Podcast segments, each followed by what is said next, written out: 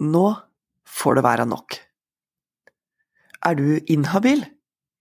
Spørsmålet må stilles enten du er politiker, bonde eller politikerbonde, men det er ikke helt uvesentlig hvem som spør.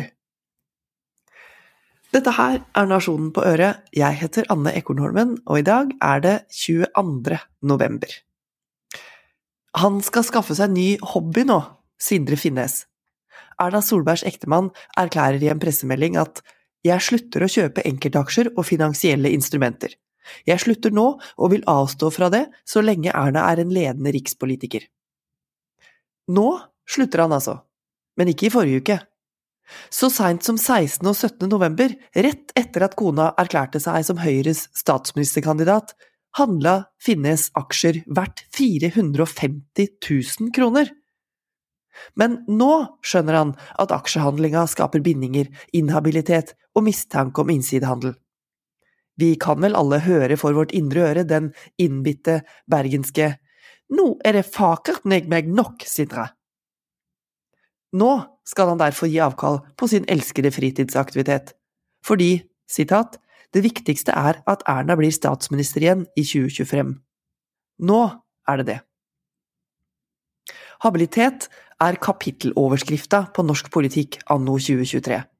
Og skal vi ha ett ønske etter de utmattende forklaringene og bortforklaringene, så må det være en allment heva bevissthet om bindinger. Trøndelag Bondelag har i alle fall bestemt seg for å holde fana høyt.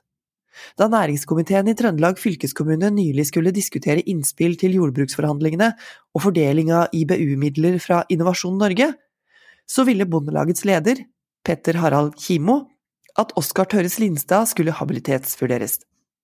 Ap-politikeren er nemlig også leder i Sør-Trøndelag Bonde- og Småbrukarlag.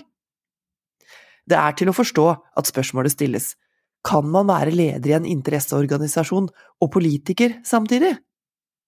Men at Bondelaget setter spørsmålstegn ved en fra Bonde- og Småbrukarlaget, det blir bråk av sånt. Det er fra sine nærmeste man skal ha det. Eller rettere sagt, de er åpenbart ikke så nærme. Heldigvis finnes det klare regler for vurdering av habilitet. Man er inhabil hvis man er part i en sak, men sterkt engasjement er ikke en grunn til inhabilitet. Det sier lederen i næringskomiteen, Ingvild Dalsegg fra Høyre, til Nasjonen, etter at fylkesdirektøren i Trøndelag konkluderte med at Ap-politiker Lindstad, med tillitsverv i faglaget, fritt kan uttale seg og vedta, delta i vedtak om landbrukspolitikk.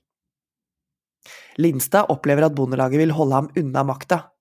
Han veit at Kimo også tidligere har uttrykt skepsis mot Lindstad og hvordan Ap velger å kjøre ham fram. Det er ikke rart man spør om beveggrunnene, bak å få Lindstads habilitet vurdert. Er det personlig uenighet? Politisk uenighet? Et ønske om å være mer katolsk enn paven? Applaus til alle som holder habilitetsfana høyt, men å vifte den i ansiktet på egne samarbeidspartnere virker naturlig nok provoserende. Det ryddigste ville vært å først ta opp saken direkte med Lindstad eller Ap i fylket, og unngå å bli tolka som at Bondelaget vil stikke kjepper i hjula for tillitsvalgte i NBS. Begge faglaga burde omfavne hver eneste politiker som kjenner primærnæringa godt. Jo flere med erfaring fra bondens hverdag, desto flere kan forstå jordbrukets utfordringer og politiske behov. Så er det selvfølgelig bedre å få sin habilitet vurdert enn en for lite. Lovavdelingen i Justisdepartementet har for eksempel allerede vurdert landbruks- og matminister Geir Pollestad fra Senterpartiet til å være habil i en pelsdyrsak fra i høst. Pollestad sier han også tidlig varsla statsministerens kontor om bindingene han har til førfenæringa. Statsrådens familie på Jæren eier til sammen nesten halvparten av Norges nest største rugeri. MDGs Une Bastholm krever at Pollestad erklærer seg inhabil i alle saker som angår dyrevelferden for norsk kylling. Hun mener usikkerheten er uakseptabelt, og får støtte fra Høyres Lene Westgård Halle. Alarmen blinker, med rette. Men er ikke Pollestad den eneste statsråden i historien med bakgrunn fra eller bånd til det fagfeltet han styrer? Fiskeriministre, kulturministre, næringsministre, mange har hatt både kjennskap og vennskap fra sitt politiske felt. Det er lite dette landet. Hver fallen er bror og venn. Å komme i situasjoner der habilitetsspørsmål stilles, er altså ingen forbrytelse i seg sjøl. Problemet oppstår når du prøver å skjule bånd og bindinger, eller utnytter dem til egen eller nærståendes fordel og interesse. Pollestad har sagt til Stavanger Aftenblad at han er forberedt på å få sin habilitet vurdert i saker som handler om kyllingindustrien. Uten å sette seg sjøl helt sjakkmatt som statsråd, er det ryddig å opptre ekstra, ekstra aktsomt og alltid ta et steg tilbake ved tvilstilfeller.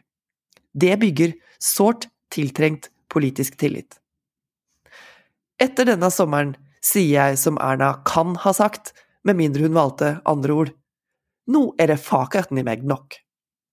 Den som går i habilitetsfella nå, den må stå i skammekroken. Dette her var Nasjonen på øret. Jeg heter Anne Ekornholmen, og hvis du vil høre flere kommentarer, så finner du dem der du hører dine andre podkaster, eller alltid på fronten av nasjonen.no. Ha en god dag!